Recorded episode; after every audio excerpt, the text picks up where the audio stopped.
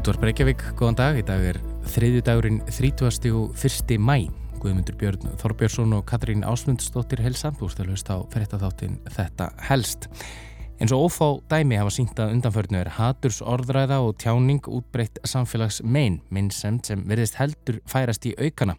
Í síðustu viku konuðu við orsakir haturs orðræðu, báðum Eirúnu Eithórsdóttur, lektor í lauruglufræðin við Háskólan á Akureyri og doktor í mannfræði að varpa þá ljósi á hvers vegna fólk við hefur hattursfull ummali. Í dag ætlum við að beina sjónum okkur að öðrum þætti vandamálsins, þeim samfélagslegu úrræðum sem hægt er að grípa til þegar hattursfull umræði, ummæli afsakið eða tjáning hafi verið viðhöfð. Hvaða lagalegu úrræði standa til bóða, hversu langt eða skamt þau döga og hvort gera þurfi úrbætur og þá hvaða. Viðmjöland okkar í dag er Haldóra Þorstensdóttir hérastómari og lektor við lagadeld Háskólans í Reykjavík.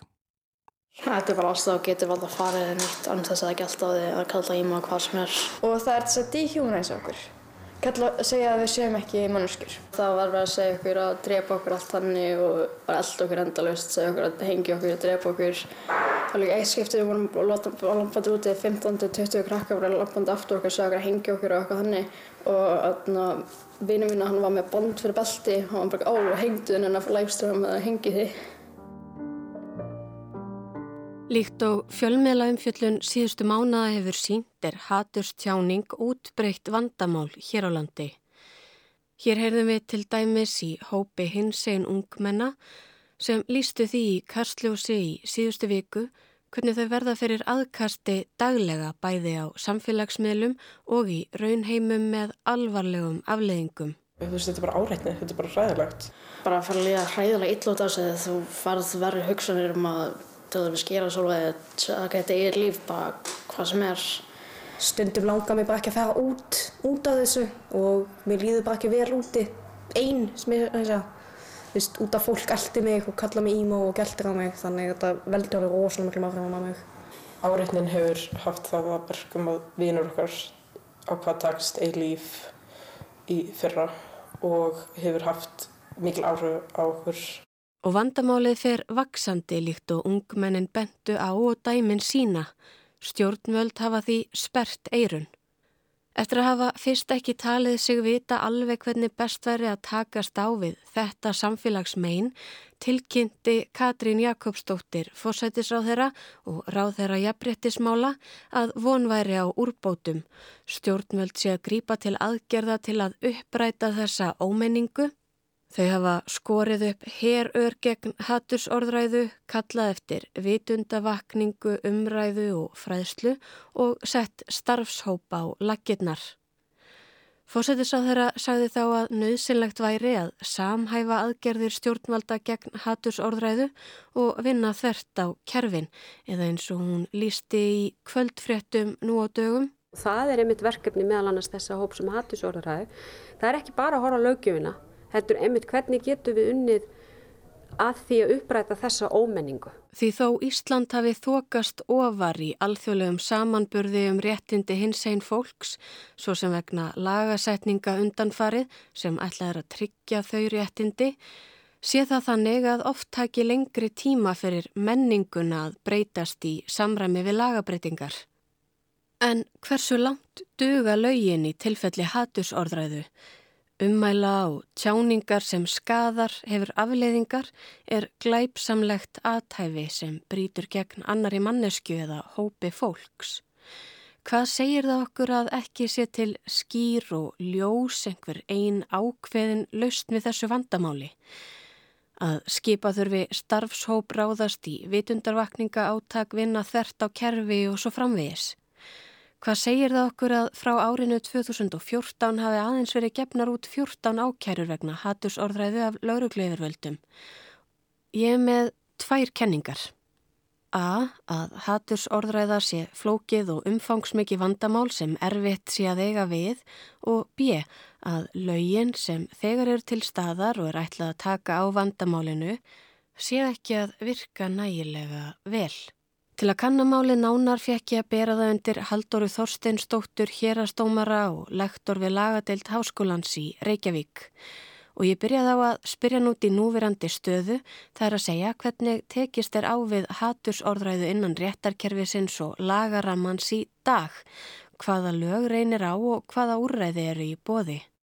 Eh, það er alveg ljóst að lögin eins og þau eru garði gerð núna þau taka á hattusorðræði og, og hafa svona það markmiði að koma í veg fyrir tjáningu sem fyrir þó til eða stuðlar að hatti eða en eins og að oft tala um sko, umbröðleysika hvort tilteknum hópum og ég menna það getur það verið til dæmis ágrundli kynþáttar að trúabræða, kynneðar, kynvitundar. Það er sem sagt bæði, það eru sérstakar reglur, sérstakar vettfangi fjölmilana sem eru reyndar um svona sérstakar tegund af hattusorðræðu eða hattusáróður eins og það nú kallað, þá er það svona markvis áróður ef hann fyrir fyrstu fjölmjölum, þá eru úrræðið þar að vatningi fjölmjölana og fjölmjölun getur það krept inn í.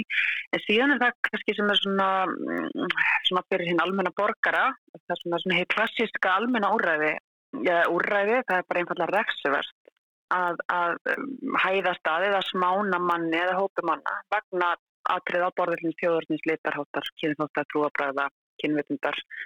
Þannig að og þá bara er, er, er, er gert ráð fyrir því lögun að við því líki alltaf fangilsi að tömur orðum. Þannig að hérna bæði þá erum við með þarna svona úræði á grundilli fjölmjöluna sem slíkra og svo erum við bara með einfalt eh, ákveði í hefningarlegum sem að mæli fyrir það að það er á refsivast. Að tjáning sem er þessar gerðar að hún er refsivast.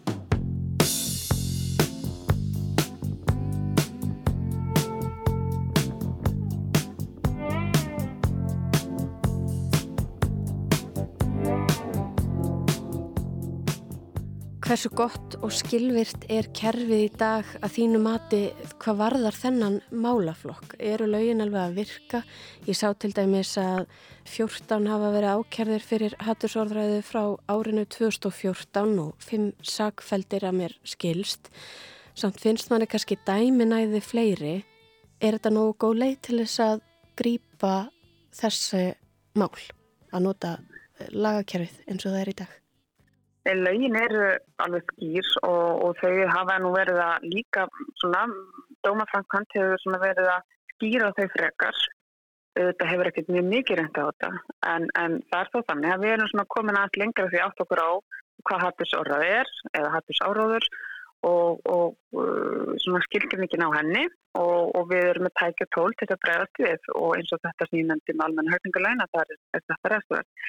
Vandamáli eru þetta, stóra vandamáli eru þetta svona bara almennt hvað þetta smertir eru þetta, það er ekkit launugamála með tilkom internetins og, og samfélagsmiðla, er erfiðar að koma bandum og hattusáraði og, og þá við hérna heima og líka bara erlendu vettfundi, það eru starfastar síður og hópar sem bara hafa það markmiði að dreifa hattisvöldum umvalum og kynnta undir svona ofbeldi eða, eða svona ástæki gagvart minnilhjóttahópum, ímjömskonar minnilhjóttahópum og þetta eru jáfnveil hópar sem eru bara sér hæðir í því að gera þetta þannig að það sé erfitt að ná, ná til ummala, tiltekinu ummala eða hópa. Þannig að ég held að bæði svona hérna heima og eh, bara í stóra samhenginni, bara á erlendu vettmungi, að þá er þetta stafræna umhverju er að verða þannig að þetta er miklu flokkara mál og erfiðara að grípa kartu eitt tilvík.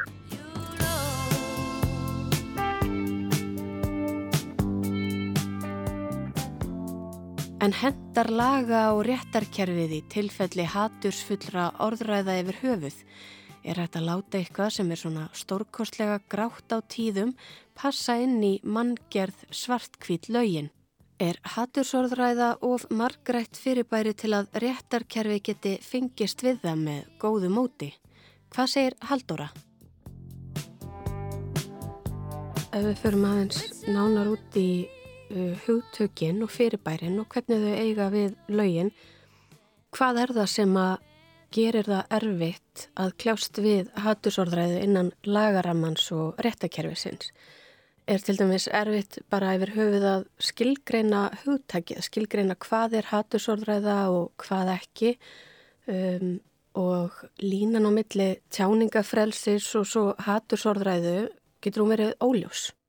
Já, það er ekkert auðvelt endilega að koma auða á hattusorðræðu og það er kannski vandamál í þessu að það er kannski lítil, lítil orð og sett í einhverju fram í einhverju tiltegnu samhengi oft þannig að það kannski um, svona engi kveikir á því að þetta hefur þessi áhrif, þessi meðandi áhrif og, og verða svona, svo gerist þetta smátt og smátt, mörg lítil ummali hér og það er ekkert endilega frá sama einstaklingum.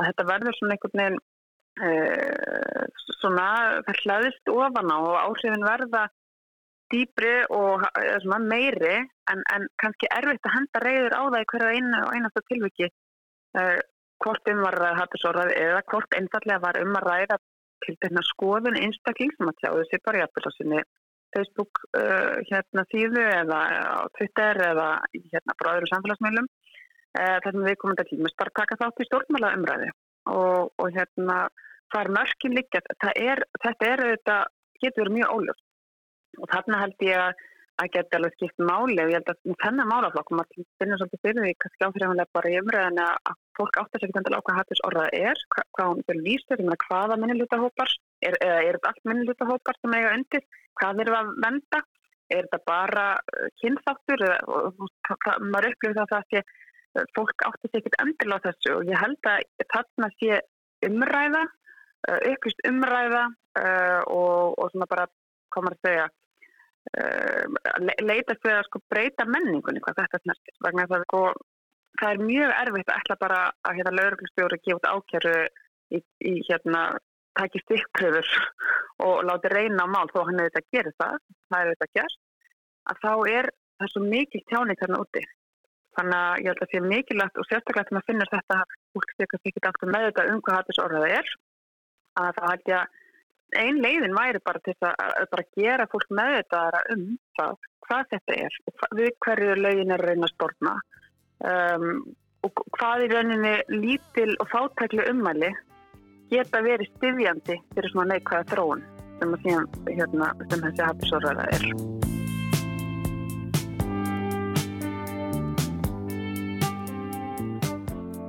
Þannig að það þarf kannski meira til heldur en bara lög í lagabálki til þess að fórstu þetta vandamál? Já, ég myndi halda að bara það að vera með ákvæðu í hefningarlögum og lögum í fjölmjöla, það er auðvitað að gera það og það skiptir auðvitað máli. En þegar tjáningin er orðin eins viðarmikil og hún er og við erum, við erum með sko bara tjáning og samfélagsmiðlum og ég menna það sem að hérna, ummæli fara bara mjög rætt og þeim er dreift mjög, mjög víða hérna á bara aðskottstundu. Um, við erum með það landslás en, en um leiður við með það landslás við erum alltaf að vera með þetta um það hvað hattusorða er hættileg í rauninni þó svo ekki allir átti sjá því hvað hún er skadaleg fyrir marga uh, marga hópa og í rauninni bara fyrir líðræði sko það hefur talað um það að þetta sé svona að verstu áhrifin geti verið mjög bara skadavanleg fyrir bara almann hagsmunni þá held ég að það sé alveg mikilvægt að gera kannski meira heldur en að bara mæla fyrir það einhverju lögjöf og að gefa út ákærur í einhverju tilvíku sem uppkomast að þetta sé verði líka meira svona í samfélagsvitundinni að ræði meira hattarsorðaði, ræðum hvað hún sko þýðir. Af því að alltaf margir átt að sig hjá því uh, hvað hún þýðir og hérna, hvað er það sem verður að reyna stöðum að stjóðu við. Uh, fara með þetta í skólana, ég held að þetta sé líka miklu meira svona félagslegt og samfélagslegt verkefni heldur en bara það að leitast við að svara því með sko lagana bókstaf, hvað má og hvað má ekki. Og bæði rattir áðurnemdra viðmælanda Karstljós og fyrirhugar aðgerðir stjórnvalda endurspekla þetta viðhorf að þörf sé á heildstæri nálgun, nálgun sem allir taki þátt í. Hvað vilja sé gert til að bæta þetta ástand?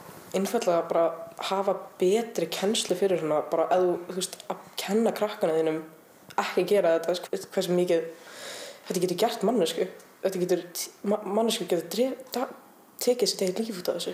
Þetta er ræðilegt þú þarf einfallega bara að kenna þetta í skólum og kenna þetta bara fyrir alla fullorna líka. Fólk á að tala við krakkana sína um þetta þetta er, þú veist, ekki rétt. Ég veit ekki hvort að skólinn getur gert mikið en þú veist, fórhaldar geta gert alveg hefning bara gerði betur, þú getur gert betur Laugin dugi kannski ekki ein og sér til að stemma stigu við svo flóknu, alvarlegu og umfangsmiklu vandamáli á borð við haturs orðræðu og þá samfélagslegu meinsemt sem hún er.